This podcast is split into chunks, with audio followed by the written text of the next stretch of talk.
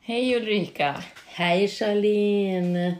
Long time no see. Ja, det kan man verkligen säga. Vi inleder kanske den, podden, den här podden så lite för ofta. Hur då menar du? Att vi, att, åh nu var det länge sedan igen. Ja, mm. men, men det är väl så att ambitionerna är så mycket större liksom än, än de tidsmässiga resurserna. Och vi kan väl säga att vi vill väldigt gärna podda hela tiden. Ja, jag ringer pratar dig jätteofta och Vi frågar. pratar ju ganska ofta om det. Ja. Men nu är vi här. Får, det, får det stryka på foten för annat? Japp. Ja, hur är läget? Jo, det är väl ganska bra egentligen. Du Eh, har jag. jobbat asmycket med en budget. Jag har jobbat eh, asmycket med en budget, men det kan vi kanske prata lite grann om Ja, sen. det, Mm. absolut. Det låter ju väldigt trist, men är... Det är det inte. Nej, det är nästan rafflande faktiskt. Ja, men det är ju, vi pratar om det sen, men det är Ja. faktiskt väldigt, Politikens motor. Precis. Ja, Ja, vad ska du i sommar? jag ska snart få sommarlov. Eh, jag jobbar Mm. Är du två- fast anställd nu? Ja, som- snart är jag ju det. Som Eh? Lerare.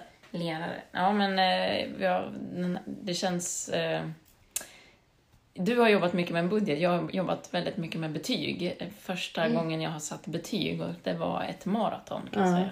Är det du som är en sån här som fick ordna den här betygsinflationen de pratar om på nyheterna? Eller? Ja, jag satt faktiskt och funderade på det där att eh, jag är otroligt snål. Mm. Alltså, jag vet inte om det är bra eller dåligt, men eh, det är... Eh, jag är inte någon eh, som stödjer inflationen, om man säger Nej. så. Det finns ett förslag nu, ehm, eller det diskuteras väldigt mycket, i alla fall i de delar av sociala medier där jag är, lärar-Twitter och lärar-Facebook som det kallas för, eh, om att återgå till ett eh, system där man inte kan få F, alltså underkänt. Mm. Eh, och gå tillbaka lite grann till det som var i, i min ungdom. eh, när man hade 1 till 5. Man kunde fortfarande ha ett kryss eller ett streck då, som det hette om man inte hade närvaro. Ehm, och inte liksom hade levererat betygsunderlag. Men annars så, så fick man en etta bara man liksom kom dit och, och visade upp sig. Och liksom, presterade man någonting så fick man en tvåa och trean det var någon slags snittvärde och så fanns det, ja. Ja, precis. Och det, Det är inte det, det här när jag säger att jag är snål så tycker jag att det, det har ju inte med min det med mig att göra, utan jag tycker att det, det är ju väldigt tydligt med kunskapskrav i, i läroplan och sådär, vad man ska kunna och vilka förmågor och kunskaper man behöver visa för. Så att det handlar ju inte om vad, att jag tycker någonting, utan det är vad, vad eleverna visar. Liksom. Ja. Och eh, det är ju en utmaning. Det, handlar ju, det läggs ju ganska mycket på mig som lärare att ge eleverna möjlighet att visa det. Men det är det jag menar. Vad tror du om det här med ett system där man inte kan få underkänt då? Eh, ja, alltså jag är ju motståndare till betyg överlag, så att det är väl bra. Ja. det, idag har vi också elever som, ja, men som inte är där alls. Mm. Och då blir det ju streck. Eh, sen är det ju elever som är där men absolut inte gör någonting. Eh, och det är väl den grejen då som kan bli annorlunda för att det är inte självklart att man får ett E då eller bara Nej. för att man är där utan man måste också visa någonting. Vad man också skulle uppnå om man inte har mål, eh, målstyrda betyg som de är nu då, alltså att man jobbar mot ett mål. Eh, och syfte är också liksom att alla elever ska kunna lås, nå så långt som det bara är möjligt. Och man börjar ju misstänka nu att den här stora stressen och, och psykisk ohälsa som sprider sig bland ungdomar har någon slags grund i det här. Och det är liksom att om du då uppnår ett E så, är ska, så liksom får man inte sitta nöjd med det som lärare. Utan då ska du utmana eleven och gå, komma ett steg till och ett steg till. Och det där låter väldigt bra i teorin men det kan ju också vara otroligt krävande. Jag har hört elever säga men kan man aldrig få liksom vara klar och vara nöjd? liksom? Nej, och det där blir ju en stress och även en stress för lärare. Jag ser ju liksom inte hur det arbetsmiljömässigt ska vara möjligt. För idag är det ju, alltså det låter ju väldigt bra. Någonstans så är det väl så också att det står ju i, i, i, läro, eller i skollagen att varje elev ska nå sin liksom fulla potential, alltså ska få förutsättningar att göra det. Men idag så är det ju, eh, vissa elever tar ju väldigt mycket tid, man har ju mentorskap och det den här undervisningstiden får ju inte stryka på foten, men planering av undervisning är ju inte det som man lägger mest tid på, tyvärr. Det hade jag önskat. Därför tycker jag att det är väldigt positivt att Vänsterpartiet här i Hudiksvall har i sitt valprogram att vi vill ha heltidsmentorer. Att Mm, vad är det för någonting då? Ja, men att undervisande lärare ska vara undervisande lärare. Och sen har man andra personer i skolan som jobbar som heltidsmentorer och de kanske inte har en liksom, lärarlegitimation utan de har någon annan typ av eh, utbildning. Eh, för jag känner ju ofta att eh, jag ha- har saknat vissa delar i lärarutbildningen kring det här med mentorskap för att det är otroligt mycket liksom, sociala frågor man får hantera. Och det måste man ju göra, sen vet man ju inte om man gör det på rätt sätt. Eh, och det kan ju få ganska stora konsekvenser. För vi är ju individer alla, lärare, liksom, och man hanterar saker olika.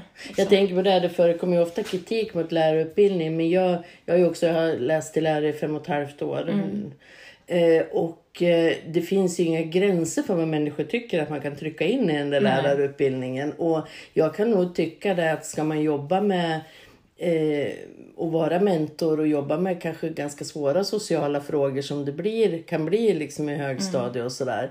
Då är det väl bra om personer som har en adekvat Ja. utbildning, om man är kanske socionom eller, eller så. Ja, precis. Eller att man då har mindre undervisningstid om Mm. man ska som lärare också vara mentor för att det är jättesvårt att hinna med för att det tar väldigt mycket tid med de här sociala frågorna. Ja. Ehm, och jag, jag, jag tycker inte att man ska lägga in något sånt i lärarutbildningen utan jag tycker mer att det är bättre att skilja på Mm. uppdragen. Liksom, För att den relationen man får en, när man undervisar, den är otroligt värdefull. Eh, och det är inte någonting som man bara får om man är mentor. Nej. Eh, utan vi har ju lärare som är mentor för klasser som de knappt har undervisning med. Det blir ju en jättestor utmaning för de lärarna. Jag hade en kollega på Vux, hon är pensionär nu, men som hade jobbat eh, bland annat i fängelser som lärare. Eh, och jag vet när jag började som lärare på, på Vux, då blir det ju, man, man slås ju väldigt av, av många öden och engagerar sig i det. Men då pratade vi mycket och då sa hon just det här, det, det bästa du kan göra, försök inte vara liksom psykolog eller socionom, eller, utan du ska vara den bästa läraren du kan vara eh, för den här personen. Och sen måste den personen, och kanske försöka hjälpa till och se till så det finns andra personer runt omkring. Men man, man kan inte vara allt som lärare utan man ska vara Nej. den bästa läraren. Och Och det det, är har- bra. har väl blivit ganska tydligt för mig den här terminen som jag har jobbat, min första termin som lärare, att det är väldigt svårt att räcka till. Man känner alltid att man inte räcker till. Liksom. Eh, och det kan vara ganska uttömmande. Man vill ju göra ett bra jobb. Och sen tänker jag att det finns en, en lite ja, dum trend också som jag har märkt att det har ganska hög status till exempel att producera egna läromedel, att man liksom jobbar fram eget material och sådär. Och att det skulle liksom vara tjusigare än att jobba med läroboken liksom. Men det är ju så att ett, en lärobok, ett läromedel, det är ju någon som har jobbat fram det. Som tänkt- Utifrån läroplan. Utifrån läroplanen som har tänkt igenom så alla delar och moment ska finnas med. Liksom. Så att ha liksom en bra, ett bra läromedel, en bra lärobok och hålla i sig i. eh, Och, och göra det, i alla Ja. fall sina första år som lärare, det är bland det bästa man kan göra. Ja. Mitt tips till dig. Men nu i alla fall så är jag otroligt peppad inför höstterminen för då ska jag få ha sex och samlevnad med alla åttor. Oh, vad ska du lära ut då? då? Ja, jag ska ju följa kursplanen Ja, såklart. står eh, ja, det behöver ju ta en undervisningstimme nu. Men jag tycker att det ska bli otroligt roligt att få, för att man läser ju lite det här i, i SO'n också. Mm, på, Och kanske jobba lite tillsammans med SO'n kring samtycke och porr och prata lite om det Mm. och koppla ihop det med de biologiska delarna i sex Mm. och samlevnad. Liksom. För att man minns ju själv sin egen sex och samlevnadsundervisning som ganska fattig. Så många frågor och så få svar kan det väl sammanfattas som. Ja, och, och så många frågor som man inte vågade fråga. Mm. Och som man tror att man är ensam om. Ja, eh, men det ska bli jätteroligt. Du, apropå det här med sex och samlevnad. Jag tittar på den svenska eh, versionen, första avsnittet av den här jättemärkliga datingprogrammet Naked Attraction. Jo, du skickade ju också det till mig och jag började titta. Jag, det är inte så att jag skämdes, men jag, fick bara den här känslan, vart är vi på väg? Ja, lite så. Men samtidigt så kan jag tänka mig att när jag var tonåring Så um, jag, jag först blev jag chockad, upp med skämskudden och tänkte hur Alltså kan det går de? ut på att ja, det är nakna människor. Det är en person som ska hitta en dating person. De ska gå på en dejt. Ja. Och den personen ska välja bland sex andra personer genom att se för det första ben och kön naket. Och sen mage och, och byst. Och sen ansikte Mm, och röst. Och röst. Och, och liksom plocka bort personer utifrån hur de ser ut.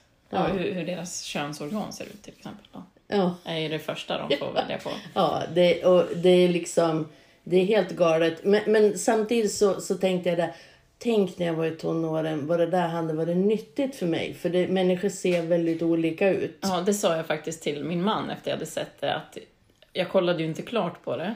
Eh, men just det här att vi är så himla olika och den här bilden vi pumpas med genom sociala medier Mm. och internet och tv och serier, den stämmer ju Nej. verkligen inte. Utan, och jag blev så här, men jag är ju inte så ful. Nej. Så den känslan fick jag. Ja, och det är okej att ha stretch marks och, och Ja. liksom hängande bröst eller en liten penis och ändå vara stolt och glad över sin kropp. Liksom. Det, så jag tyckte att det var ett positivt Ja, budskap den gav. Och, och eh, otroliga, otroligt modiga människor som ställde upp på det där. För Ja. de ska ju gå till jobbet på måndag liksom. Ja, ja. ja hej jag heter Kenneth och jag är revisorsassistent från, från Örkelljunga. och så liksom, ja, då har Så man ska sett. de, en del är ju att de, innan de har visat ansiktet ska de stå och dansa där nakna.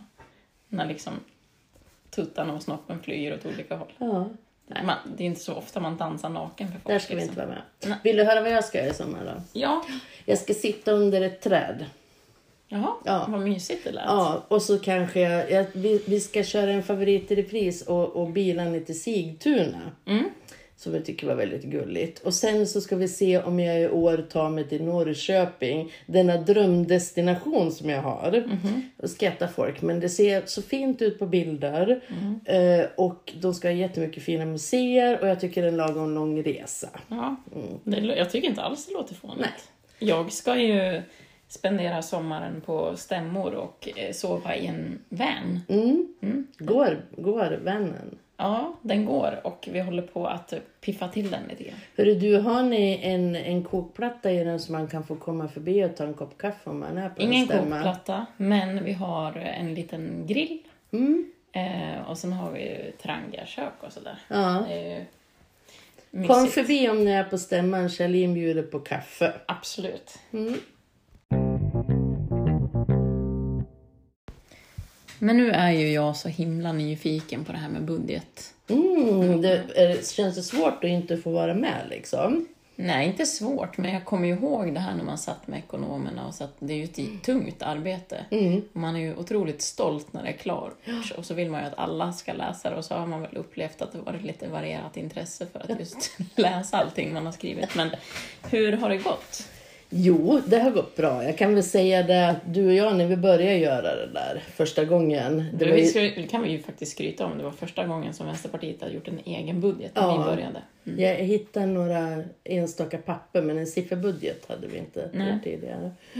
Ehm, och när vi gjorde det här första gången, det var ju det som var det tunga för då visste vi inte riktigt vad det var. Vi Nej. är ju inga ekonomer men vi fick lära oss helt enkelt. Vi fick faktiskt lite beröm tycker jag från ekonomen som bara, det är första gången en politiker har gått in i det här dokumentet och räknat. Ja, ja. Vi, vi ville ju veta hur det funkar. Ja, och det känns väldigt skönt och tryggt när man håller på med så att tröskeln var ju lägre i år eh, kan jag säga. Man vet ju liksom hur systemet funkar. Och... Skönt. Ja, så första mötet tog 20 minuter istället för en och en halv timme första gången. Vi hade det väl lite klart för oss vad vi ville göra. Mm, men nu har eh, alla partier gjort en budget, eller? Ja, inte riktigt alla. De lämnas in, det är liksom lite tradition att man lämnar in dem på kommunstyrelsen. Kommunstyrelsen har man alltid innan man har kommunfullmäktige. Och det hade ni i tisdags. Ja, det hade vi i tisdags. Och eh, då i vanliga fall brukar man diskutera i kommunstyrelsen, men det gör man inte när det gäller budgeten utan man lägger dem på bordet som det heter. Och så har man debatt i kommunfullmäktige. Tar man debatten i kommunfullmäktige den 20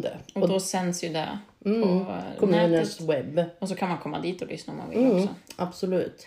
Ehm, Det brukar inledas med en, eh, ja, en kortare dragning om ekonom, ja, av ekonomichefen. Om det ekonomiska tillståndet i, i, eller i världen, Sverige och kommunen kan man väl säga. Och sen så är det, kallas det för en särskild talarordning eh, där majoritetens råd börjar och pratar om partierna pratar. Eh, och eh, sen så pratar alla partierna i turordning då, storleksordning. Och eh, då har man lite längre talartid, gruppledarna då. Som i det här fallet är jag. Mm. Förra året när jag skulle göra det här, då hamnade jag på sjukhus. Så då fick du ta det här i alla fall. Du och Alf. Yes. Mm. Ja.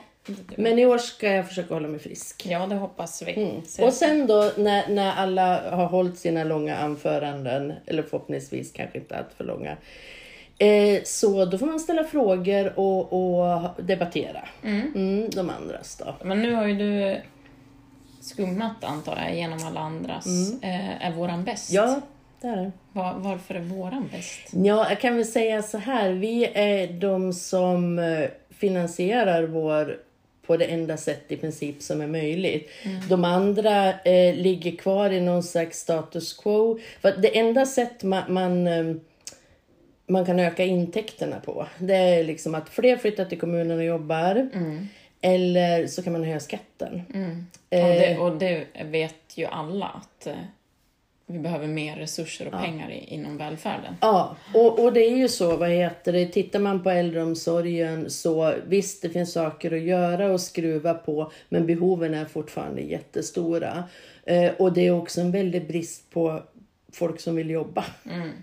Eller kan jobba. Det finns inte jättemånga eh, utbildade personer och, och de får vi vara rädda om och det är brist på dem. Mm och man, ja, till exempel regionerna och kommunen, alla tävlar om sjuksköterskor till exempel och då stiger lönerna. Det kommer bli samma sak med undersköterskor nu. Och det är ju en sån där grej som man inte kan vara med och konkurrera i om man inte har tillräckligt med resurser. Nej, så är det. Så är det ju för lärare också. Och sen måste det vara en schysst arbetsmiljö som är kanske, tycker jag personligen, ännu viktigare än löner. Jag tror att det är det mest den attraktiva arbetsplatsen, det är den där du liksom kan eh, du har mycket inflytande över dina arbetsuppgifter, du kan påverka dina arbetsuppgifter och du har en schysst arbetsmiljö och schyssta arbetskamrater. Ja, och, men- är ju absolut inte och allt. meningsfulla arbetsuppgifter. Nej, för liksom är lönen allt, då kanske du inte väljer att jobba i offentlig sektor. Men det kan vi också säga nu under några år så har det ju varit så att arbetsmiljön har varit så eh,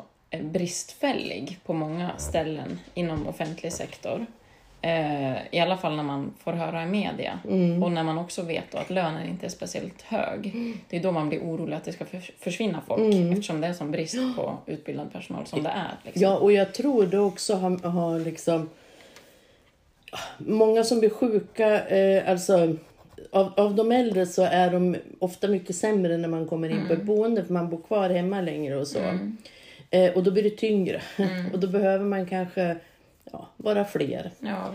Eh, men också det att eh, förr kanske människor stannar kvar och jobbar på samma ställe i hela sitt liv. Nej, så det var inte så hög, nej precis, det är ungefär som i skolan. Det är ganska hög omsättning på personal och det är också väldigt krävande för de som jobbar kvar. Liksom, och hela tiden behöver byta arbetskamrater. Får inte prata om vad, vad, hur jobbigt det är för de som, eh, de som man är till för så Ja, att säga. att det blir, man vill ha en kontinuitet. Ja. Så både skola och, och äldreomsorg eh, behöver liksom mer folk helt enkelt av Men olika vi, slag. du sa att vi var det enda partiet som hade en finansiering. för det. Ja, och det är ju så här, vi ska ju bli fler i Hudik, det är ju Mm. ett mål.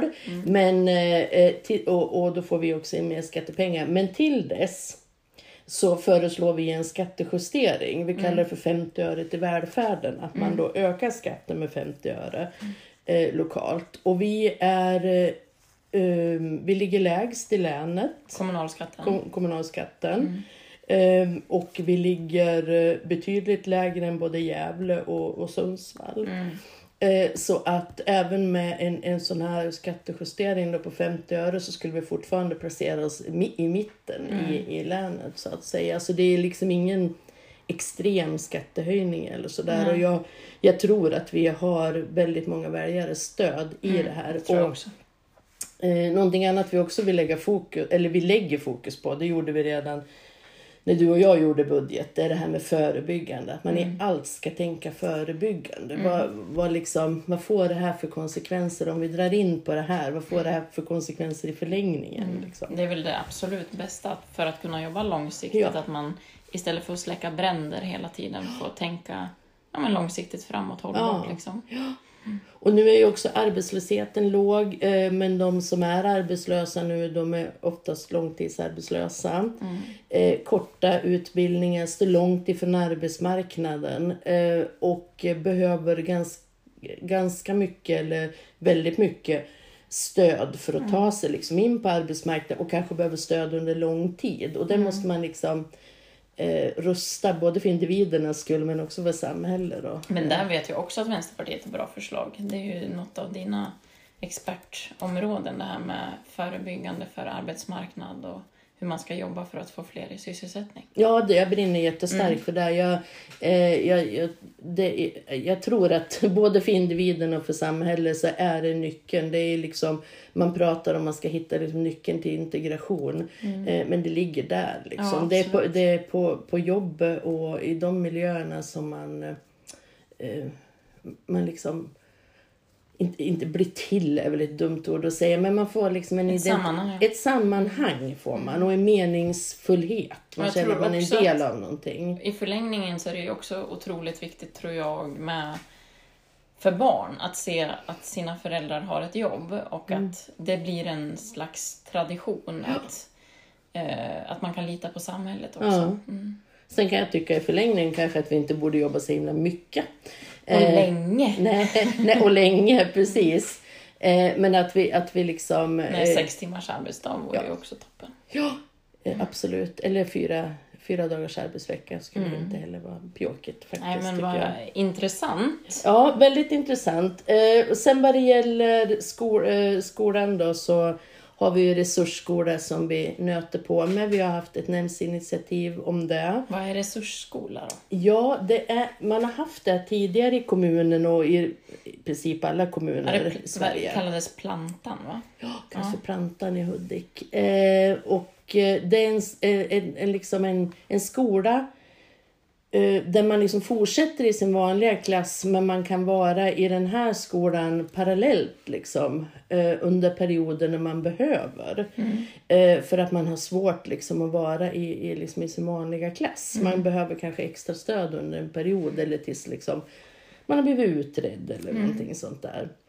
Och det här är en jätteviktig grej och det här plockas bort i, i någon slags iver eh, att få till integration, att alla liksom skulle vara i samma klass och allt skulle lösas i klassrummen. Men jag tror eh, det kommer väldigt tydliga signaler från, från regeringshåll också att man eh, vill tillbaka till det. Man uppmanar, ministern uppmanar kommunerna att börja liksom och åter, återanskaffa resursskolor. Så där var vi lite tidigt ute men vi, vi ligger på över det och det har vi lagt in i budgeten också. Och det här med helmentorer som du pratade om och att locka fler utbildade lärare även till kanske mindre skolor då. Hur skulle man göra där då? Som vi pratade om. Mm. Ehm, Arbetsmiljö. Ja, arbetsmiljö, arbetskamrater och jag tänker också att ska man åka långt Idag är det dyrt att, att åka. Så kanske man vill ha lite extra lön också om man, om man är, är lite längre bort så att säga. Ehm, Jag tror inte på det här med förstelärare eh, systemet eftersom Va? Du som är förstelärare? Ja, jag är särskilt skicklig lärare i ungefär tre veckor till. Sen, Sen jag är en, du inte så skicklig längre. nej, sen är jag inte så skicklig och så blir jag en vanlig systelärare igen. Ja, okej. Nej, vi har ett system i den här kommunen där man blir liksom förstelärare i tre år. Mm. Det är Jättekonstigt. som en projektanställning. Som en projektanställning. Det är väl så länge man får de statliga pengarna. Sen är det meningen att kommunen ska börja ta över men då får man liksom inte behålla de pengarna utan då är det några nya som får då. Så att, Mm. Ja, jag tror ju inte att det lockar någon att stanna permanent. Nej, nej, precis. Eh, nej men och jag tror också att man behöver jobba liksom väldigt handfast med, eh, jag vet till exempel en, en förskola som, eh, där man hade svårt att få eh, utbildade förskollärare. Eh, och eh, prat, liksom prata med eh, organisation, vad heter det, bygdeföreningen där i porten och bad dem kika runt lite i området om det fanns några förskollärare mm. där i närheten. Ja, det visade sig att det fanns ju personer som kunde tänka sig att börja på den här ja. förskolan. Och, lite så uppsökande verksamhet. Ja, och jag tror att det är så man måste jobba mm. för att det är sån otrolig brist på, på folk så vi kanske måste ha personer anställda som jobbar med mm. att handplocka folk ja, och visst. ringa och intressera sig. Liksom. Jag tror många skulle kunna tänka sig att jobba på en mindre mm. skola eller förskola om man visste att behovet fanns. Ja. Alltså att man kände att de behöver mig. Liksom. Ja, jo, men precis. Det tror jag också. Och så, jag, jag tror att vi, vi liksom... Det var ju för några år sedan var det ju prat om sån skolstruktur och hur man liksom skulle, hur stora skolor respektive små skolor man skulle ha. Och så tror inte jag och inte vår partiförening Nej. heller att man kan resonera utan man måste liksom se utifrån varje enskilt fall. Mm. Liksom. Eh, och ibland så behöver man ha en liten skola på en plats för att det ska kunna fungera på och ett bra sätt. Och ibland så fungerar inte det. Nej. Och då måste man tänka på ett annat sätt. Mm. Så att, eh, men man ska liksom ha uttömt alla möjligheter och då kanske man behöver göra det på något mm. slags manuellt sätt. Då.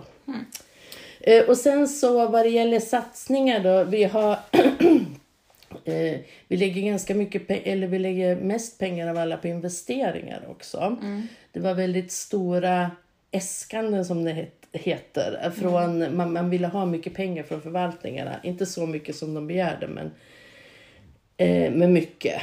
Um, och det där är lite klurigt för att egentligen vill man att man ska ta det lite lugnt med byggnader och inköp mm. och sånt där under 2023 för vi vet ju inte var den här inflationen tar vägen. Men samtidigt är ju behoven jättestora och framförallt har vi liksom väldigt mycket underhållsskuld på våra fastigheter. Mm. Eh, och en sån underhållsskuld som vi har det är ju Näsvikens skola. Just. Mm. Eh, och där har vi tillsammans med Centerpartiet, Centerpartiet tagit ett eh, initiativ så det har gjorts en utredning eh, där man har tagit fram ett förslag hur man ska kunna fixa till liksom, bra skollokaler där. Och det eh, har vi föreslog vi för några veckor sedan igen att man skulle sätta igång och majoriteten sa nej. Varför säger de nej? De menar att de vill vänta på en, en enkät från Arbetsmiljöverket som de ska göra med personalen på skolan. Vi vet inte riktigt vad det är de uh, förväntar sig men jag vet inte om de behöver tid att tänka. eller okay. vad det är. Men vi föreslår en ny skola i Näsviken? Ja, i princip. Mm. men enligt det här förslaget då, som, som är framlagt. Mm. Eh, men, och väldigt viktigt att man liksom börjar med att riva de lokaler som är utdömda mm. där ute. Det ja. är inte bra alltså, alls på något sätt. Mm. Och sen så har vi en liten nyhet också som vi har eh, diskuterat oss fram till och, och som har dykt upp i elevdialoger som mm. man mhm. har med lärandenämnden bland annat. Och det är en gång och cykelväg mellan Marnvägen och eh, Sandvalla. Ja. För det saknas i den här cykelplanen. Den liksom kom inte riktigt med. Eh, och vi tycker att det är en brist. Du har liksom hela Björkberg plus mm. att du har Marn och Öster. Ja, den vägen som går där nu, eh, Östanbräcksvägen, är ju inte någon man vill ha sin unge cyklande på. Nej, och det är 60 på vägen och det mm. finns liksom ingen alternativ väg att ta. Nej. Men det är ju, den är ju liksom ganska bra eh, bredd på den. Man skulle kunna liksom, man behöver inte göra den jättebred och det finns en belysning. Mm. Eh, och jag har bett dem räkna på det. Vi räknar på ungefär 7 miljoner mm. på den. Så att eh, det har vi lagt ett förslag på att man ska börja göra. För det tror jag vi kan binda ihop på ett väldigt ja, bra verkligen. sätt. Det är en väldigt bra cykelvänlig väg också. Det är ju en miljösatsning också. Absolut, absolut. Mm. Har vi några eh. fler sådana? Kring miljö. Vi prat, har ju pratat om fler skyddade naturområden. Ja, precis. Sluta avverka nyckelbiotoper. Ja, mm. ja, det är kanske lite mer för VAR-programmet än budgeten. Mm. Men eh, vi, vi driver på, vi lägger pengar till att förverkliga eh, vår, den här motionen som har fått bifallen om eh, tätortsnära skog och, och liksom park och markförvaltning. Mm. Hur, hur man ska liksom få det hållbart på ett mm. bra sätt. Och det, det är ju en jättesatsning. Ja, och det, det, är ett jättestort jobb men det, och det tar väldigt mycket längre tid än vad jag hade hoppats. Ja. eh, men vi hoppas att det kan få lite bra fart nu när de får en ny organisation och att eh, ja, vi avsätter i alla fall pengar så att det ska vara möjligt att göra Mm. För jag tror egentligen att man skulle behöva någon som fick sitta och jobba med bara det ett tag. Det är en stor Ja, uppgift. Ja. Ja, men spännande. Ja, Jag ser fram emot- att höra debatten. jag med. Mm. Ja, jag tänkte kanske du vill säga någonting också i debatten. Ja, jag är mer spänd på att höra ditt anförande. Mm. Tack för det.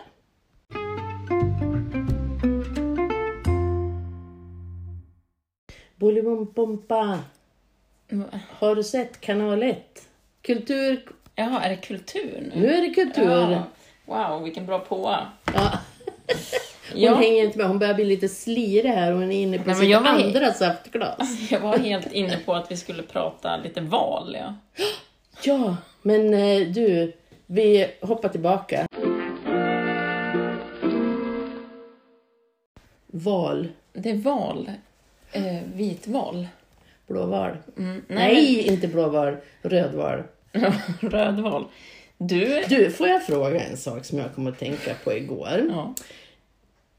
När svanar stoppar ner huvudet under vattnet och äter, tittar de då?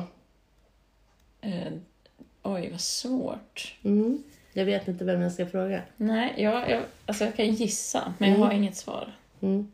Jag tror att de tittar. Mm.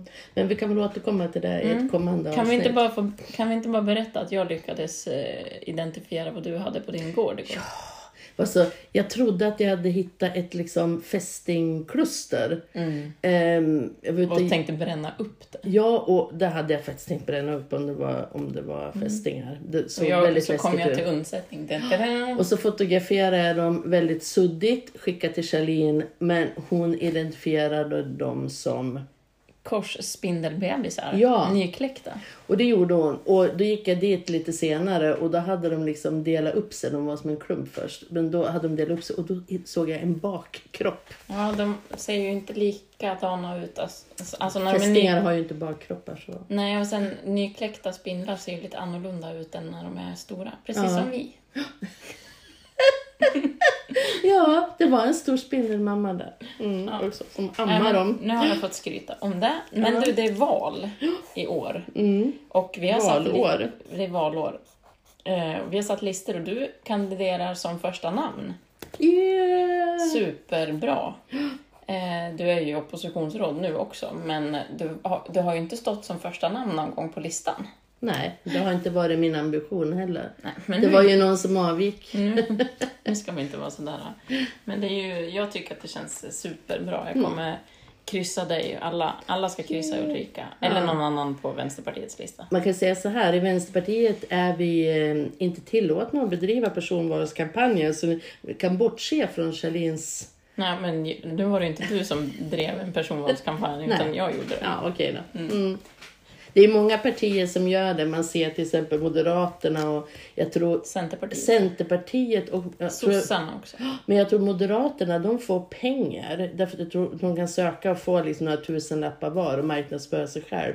Så jag har sett, inte i Hudik men på andra, i andra kommuner där de liksom har stripat sina bilar och sådär med rösta på Men alltså, Gösta. man, tycker, är inte det jävligt obekvämt att göra det? Ja, Särskilt om man är tolva på listan och man har liksom fyra platser i fullmäktige. Men det är liksom kanske mångas heta dröm, jag vet inte. Ja, nu är det någon slags fest här utanför Ja, på det är väl härligt. Sommarfest, Ja, men vad, sommarljud. vad kul. Och det kommer vara en Elfte. valstuga, va? 11 september är det val. Ja, just det. Lite konstigt datum Det är en söndag. 11 september, ja. ja. Det finns ju en historia bakom det datumet. Men det kommer vara en valstuga Mm. på stan. Ja, och det beror, den, numera är vi nere i kanalparken. Mm. Det Ehm, är där mm, vid Espresso House och Bonat och där. Ja, vid kanalen där i parken. Förlåt, Mm. det finns många andra företag. Ja, eh, men i alla fall, ni, ni kommer se dem där. Och då har vi våra små bodar där nere av olika karaktär. Och så är de bemannade och det brukar vara ungefär tre veckor innan valet. Det är Någon- ganska mysigt tycker jag, den, Mm. de veckorna. Och om man är med i ett parti sådär och står och valarbetar lite grann. Ja. Och då försöker vi bemanna så att jag ska försöka vara där så mycket som möjligt. Men jag har ju också ett vanligt arbete att Och sköta. du kommer behöva ta en del debatter och sådär. Ja, jag ska debattera. Mm. Inte Yes. min dröm, men eh, Du ska få peppa mig då. Ja, jag peppar dig. Mm. Du ska dra bort den här jantegrejen. Ja, det är väl så. Jag blir lite nervös. Men, Men det, vi, vi skulle väl säga det att är man lite sugen på att eh, engagera sig ja, så är man välkommen att göra det. Ja. Vi har ju en valskola ja, eh, och om man inte går den så kan man alltid få liksom, lite mentorskap av någon annan. Är Liksom. man vänsterpartist så kommer man att få inbjudan till en valskola. Man, Mm. man har fått den från partiet centralt. Det har man fått på mejlen om man är medlem. Eh, och eh, de- den kan man liksom gå digitalt. Det är en sån här Learnifier-kurs. Tar någon timme tror jag.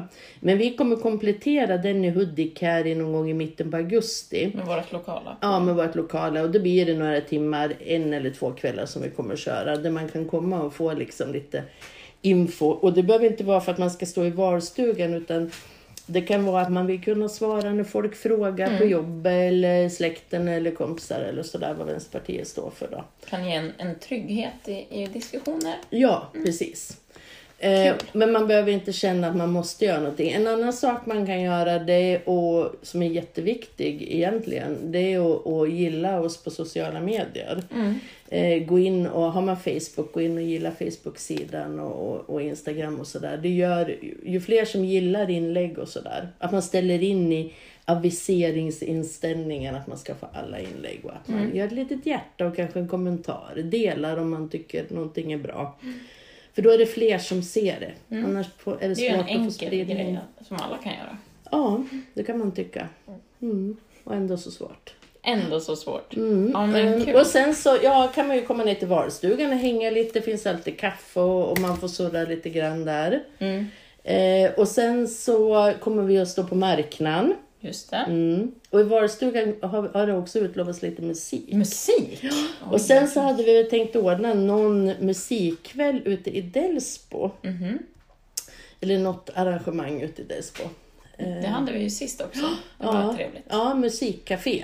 Eh, där vi hade lite, då var det, kom Britt-Marie Sving, Ja, salig det. åminnelse. Kollade faktiskt på ett klipp när jag satt och spelade dragspel med henne. Ja, vad roligt. Hon har Ja. tyvärr gått bort i november. Hon, hon stannade kvar när det var slut och hon, hon ville jamma lite grann Mm, med bandet. Det var roligt.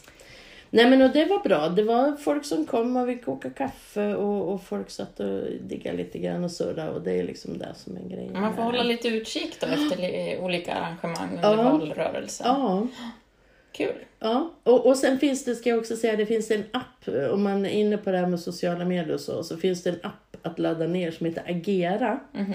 Eh, om man eh, laddar ner den och så skriver man in sina kontaktuppgifter och vad man vill göra.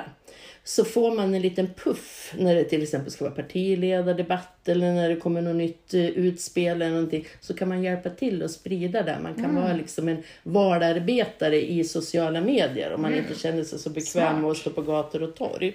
Men vill man vara med och hjälpa till i valstugan Mm. Det behöver inte vara att svara på frågor och sådär utan vi behöver folk som kokar kaffe och fyller på godis och, och allt möjligt. Kör grejer. Kör grejer.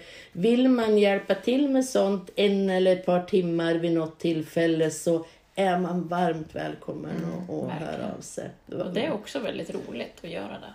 Det, det skapas en väldig gemenskap Ja. under de där veckorna. Det är faktiskt jättekul. Och sen avslutar vi med en valvaka. Ja, vi ska planera allt det här den 21 så att vi, valledningen så att vi har liksom inte riktigt kommit... Nej, men det är mycket som kommer hända. Ja, och valvaka då, vad är det för någonting?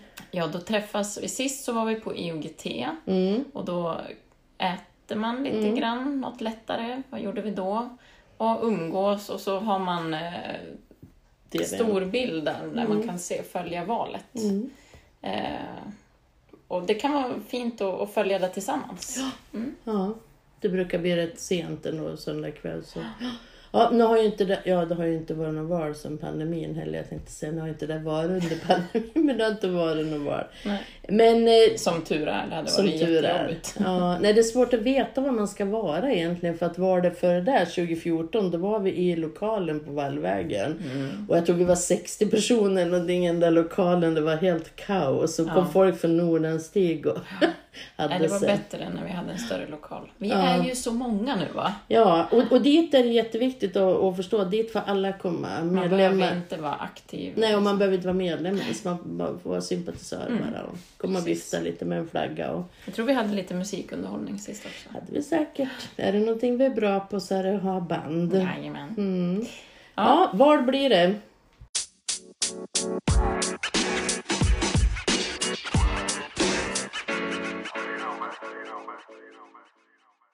Kuckeliku! Kvart, kvart, kvart. Kulturkvart, kvart, kvart. Vi kör aldrig en kvart. Nej. Eh, kulturstumpen, tror jag du sa någon gång. Det är väl också lite bra. Mm, Nu det- kivas vi inte om vad det skulle heta. Nu är det höjdpunkten på det här poddavsnittet. Mm. Eller, ja, höjdpunkten. Ja, nej, Mm. okej. Stegringen Vad har du innan. för kulturtips? Ja, eh, jag hade ju, vi lovade ju sist att vi skulle läsa Kallocain av Karin Boye och så skulle vi ha det som någon slags överambitiöst eh, bokcirkel. Vi tar det nästa avsnitt. Vi tar det nästa avsnitt när vi har hunnit vara lite ledig för den tror jag vi läser ut på Ja, ett par det ska dagar. jag göra nu på sommaren.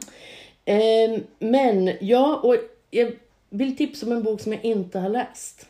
Ja, Det brukar vi göra i det här programmet. det har du gjort förr. Du har tips om den. Eh, men den ska jag också läsa på semestern. Den har precis kommit ut, recenserades idag i DN och gör en grej där. Den heter Skogslandet. Yay! Och Nu nu- vill jag också läsa. Ja, nu skrev jag inte upp vad hon hette så nu har jag glömt det. Men hon kommer i alla fall från Hälsingland. Hon är grävande journalist på DN. Och hon har gjort en... Vänta, grävande journalist, det låter ju väldigt roligt.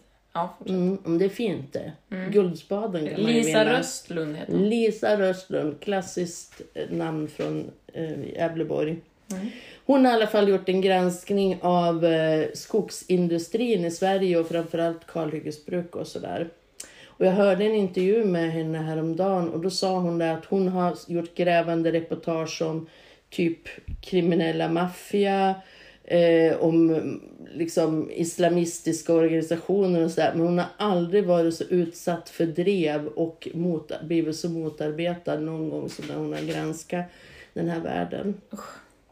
Så det här känns som någonting stort och viktigt Mm, att läsa. Och jag hoppas att det ska liksom bli startskottet för en riktigt seriös diskussion om att vi fördömer avskogning i Amazonas medan vi utför den själv här. Mm. Vi Att får ju vi- faktiskt eh, att vi kan- kritik från omvärlden för att vi gör det. Ja, och att vi ska kunna diskutera hur vi ska kunna ha en bra skogsindustri men Mm. utan kalhyggesbruk. Precis. Så, så där ser jag jättemycket fram emot att läsa. Jag hoppas den är så bra som det utlovas. Va- Kanske vi kan få prata lite om den också nästa Ja. poddavsnitt. Eh, vad skrev han? Ett slag i solarplexus för den svenska självkänslan eller Mm. någonting sånt där skrev han. Göra en grej det som är så bra på att formulera sig. Sen vill jag skicka med en kulturell uppmaning och det är att under pandemin då gick vi ju inte på bio och teater i särskilt stor utsträckning i alla fall. Och det var en oerhörd ansträngning ehm, för teatrar framförallt men även biografer som jag skulle ändå vilja kalla liksom glesbygdens teater. Mm. Eh, Det kan vara liksom nästan den enda kulturinstitution som finns på en plats. Eh, Men folk har liksom inte riktigt hittat tillbaka helt. Nej. Nej. Och det där är jätteviktigt. Om man inte vill att det här ska försvinna, gå och köp en biobiljett. Boka en teaterföreställning även om den är i höst. Teaterföreningen här i Hudik har släppt höstens biljetter. Bra Eh, uppmaning. Ja, så, så gör det. Det är jätteviktigt och särskilt vi som bor här på, på landet. Att, att sånt här finns kvar. Är det min tur nu? Nu är det du. Jag har ett tips som jag, jag tror jag har tipsat varenda människa jag har träffat om det och jag blir varje gång, jag blir lite prillig nu över att jag ska tipsa er om det här för att många kanske inte har hört det och att jag blir så glad att ni ska få höra det för första gången. Er? Du får säga du till mig. Ja men det är fler här. Jaha, ja du tänker så. Lyssna. Ja, ja. Ja. Mm, mm. I och för sig så har vi en katt här också. Ja. Så att, eh, men Mig du, och fröken. Mm. jag har ju skickat till dig men jag antar att du inte har lyssnat. Saft. Ulrika saboterar min kultur Mm. med saft. Ja, men det är en dokumentär på det, det har, jag vet inte när det sändes, men P2 Dokumentär. Jag vet, P2. Mm, P2 Dokumentär. Jag vet att det ligger på Spotify. Alla har ju inte Spotify. Jag ska kolla upp om det finns på fler ställen, men jag har i alla fall lyssnat på Spotify. Och det handlar om kulning och vallsång, en kvinnlig urkraft, heter det. Och det här är någonting som har... Det var så stort när jag hörde det här. Lite som... Du har pratat mycket om eh, kvinnohistoria med mig. Eh, eller tipsat om en tidskrift har du gjort. Eh, vad heter den? Historiskan. Ja, Ja. som Det är tyvärr inte finns längre. Nej, men det, det är så mycket historia som vi inte vet om. Mm. Bara på grund av att det har varit, för att den har ägts på något vis av kvinnor. Eh, Ingen som har berättat den. ingen har berättat den. Och eh, det är ju så med historia att det är ju så himla viktigt att komma ihåg och prata om historien för att få förståelse för saker som sker idag. Mm. Men det här med kulning kommer jag in på bara för att jag har börjat kula. Mhm. Vad är kula? För det vet inte alla. Nej, precis. Kan vi Eh, få ett prov? Nej, det kan vi inte. Nej. Jag kular inte för folk. Eh, det är det många som gör. Mm. Idag har det Ja, blivit... på första maj hade vi en, en professionell ku- kulare. Alltså kulning Kul- är ju någonting som jag tror uppstod på 1500-talet på Fäbodvalla. Då var det kvinnor, eh, ganska unga kvinnor som fick åka ut med djur till vallar för att de skulle gå på grönbete då. Eh, Och en vall är en liten anläggning av små hus eh, Ja. i skogen kan man säga. Det kan vara Ja. ett hus eller flera hus. Eh, och det här var ett ganska hårt arbete. Men i den här dokumentären så beskrivs det också som att det var någonting otroligt frigörande. Mm. Att som kvinna på den här tiden få åka ut till en fäbodvall och ta ansvar och vara fri Mm. själv. För att det kanske inte var så himla kul att vara kvinna på den här tiden. Eh, leva med en stor bonde eller sådär. Mm. Eh, Och så var det lju- ljusa nätter och långa nätter. Och... långa nätter och för att få tillbaka sina djur när de behövde mjölkas och komma in till natten och sådär så ropar man på dem. Så att kulning är ett kommunikationssätt eh, och då, det, är, det är inte sång utan det är ett rop. Och det är en hög, ganska höga toner som man ropar ut och den kvinnliga rösten eller rösten överhuvudtaget är ju otroligt kraftfull och kan höras på flera liksom, kilometers avstånd. Hörs den starkare än mäns när man kular? Alltså. Eh, ja, det tror jag. Jag tror, Mm. Ja, jag tror faktiskt det. Ehm, jag vet inte, jag har inte hört någon man kula, men det finns Mm. säkert de som gör det. Men det finns ju också horn som man använder på vallar Mm. och jag tror det var framförallt män som gjorde det då. Mm. Eh, så man brukar prata om vallmusik och då pratar man om kulning och horn. Och det är olika melodi eller, eller strofer och varje vall hade ju sitt eget läte. Mhm. Och de här djuren kände ju igen rösten och Mhm. lätet. Så de, det kunde ju vara flera vallar där djuren gick tillsammans. Liksom. Mm. Men man, de lyckades ändå hitta tillbaks till sin. Och då använde man rösten på olika vis. Man, eh, beroende på om man hade kor, getter eller får så härmar man lite eh, djurens läten. Mm. Så att det finns lite olika typer. Men det var också ett, eh, förutom att det var ett kommunikationssätt, så var det också ett, en, ett försvar för kvinnor att ha när de var ensam på vall. Mm. Det var ett sätt att skrämma bort rovdjur. Mm. Det fanns på den här tiden, när de gick genom skog, rövare i skogen. Mm. Så att kunna skrika eller ropa högt om man blev överfallen var ju jätteviktigt. Mm. Eh, man trodde också på troll på den här tiden. Eh, så den här dokumentären tar ju upp det här eh, som en kvinnohistoria. Mm. Eh, och dels hur slitigt det var, hur utsatt man var, men också vilken otrolig kraft eh, rösten har gett kvinnor genom historien. Hur, liksom, var det någon äldre då som lärde upp dem som var yngre? Eller hur, Det hur vet jag man inte, sig men kula? så Ja. var det ju säkert. Alltså, det här var ju en tradition Mm. och är än idag. Eh, och den har ju på ett sätt varit lite hotad att försvinna. Ja, för jag har en kompis som är arkeolog och Mm. hon, eh, hon jobbar nu med kulturmiljöfrågor och så. Mm. Eh, och hon säger just det att eh, när man kommer till vallar och sådär så är det oftast eh, män och, och gärna lite äldre män som är engagerade liksom, i fäbodvallarna. Och Hon säger det, det är så synd att man saknar de yngre kvinnorna som ju har sin historia där. Men det kanske finns ett hopp. Ja, alltså nu var jag i veckan ute på en vall för att det skulle vara lite, ja de skulle berätta om just den vallen och så. Då var det ju en man som stod och pratade och så var det någon i publiken som sa, jaha, ja men eh, eh, fäbodjäntor, fanns det några sådana? För de pratar bara om husen och sådär. Jo men det fanns det och det ber- berättade lite om det. Och så kommenterade den här mannen i publiken efteråt, ja det måste vara otroligt skönt för männen när flickorna försvann ut på vallen liksom. Och jag tror snarare tvärtom. Alltså, det var ju ett otroligt slit och i den här dokumentären så berättar de om en, flicka som var 12 år och då är man ju jätteliten och var ute själv och ansvarig för kanske ja, tio kor eller sådär. Men de beskriver det som väldigt högtidligt när man fick åka ut, att de längtade även om det var väldigt ensamt och sådär. Inte vuxenhet sådär. Ja, Ja. precis. Ehm, Så att jag håller nog med din kompis där att... Och det är ju lite den här effekten Men se, kvar då. ser du att det, det finns ett liksom, nyvaknat intresse? Du pratade någon gång om att det skulle vara en kurs? Eller? Ja, det är en kurs nästa helg i Delsbo, eh, kulning. Alltså jag har ju börjat kula och det gjorde jag innan jag visste in, om det här. Jag har inte haft så stor koll på den här historien. Och den här dokumentären hade jag inte hört eh, när jag började kula, utan idag tror jag att det är många kurser och sådär och det är också en typ av scenkonst. Det är många artister som kan ha ett inslag av kulning. Men det är inte där det har varit från början, även om det är fint och bra. Liksom. Eh, men idag så tror jag många använder det som terapi. Mm. Så du kan inte kula halvdant, utan du, du öppnar spjäll. Och första gången jag kulade så var jag inte alls beredd på vad som händer med en.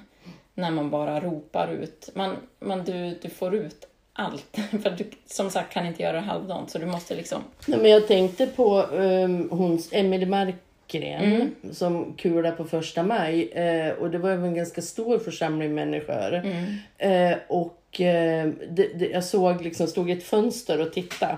Eh, och då kom det liksom några kulturskoleelever som hade spelat i när Mm. vi gick i tåget. Och, och de bara tvärstannade liksom och lyssnade på en. Så det är otroligt eh, trollbindande. Mm. Ja. Eh, och flera beskrev för mig efteråt hur de blev berörda och började gråta och sådär. Och hon, hon, hon ville ju liksom kula, sa hon innan, att man skulle känna in liksom det här Ukraina och, Mm. och, och liksom stämningen i världen just då. Och det lyckas hon otroligt Ja, väl med. Eh, när man... På förr i tiden när de var på vallar och kulade så var det ju flera fäbodvallar i, på ganska långa avstånd. Men när de var ute och ropade så kunde man ju få svar. Så det kunde ju också dels vara att man ropar på djuren, men det kunde också vara ett kommunikationssätt med någon annan, för man var ju väldigt ensam. Och när man kular så gör man det gärna, eller jag gör det i alla fall, in i en skog eller över ett vatten, men det måste vara en vägg eller någonting på andra sidan. För att om du kular till exempel ut över ett fjäll så får du inget svar. Det är otroligt häftigt att ropa ut och så studsar rösten tillbaks. Det, är, det går liksom inte att beskriva. Jag skulle rekommendera att alla, alla testa.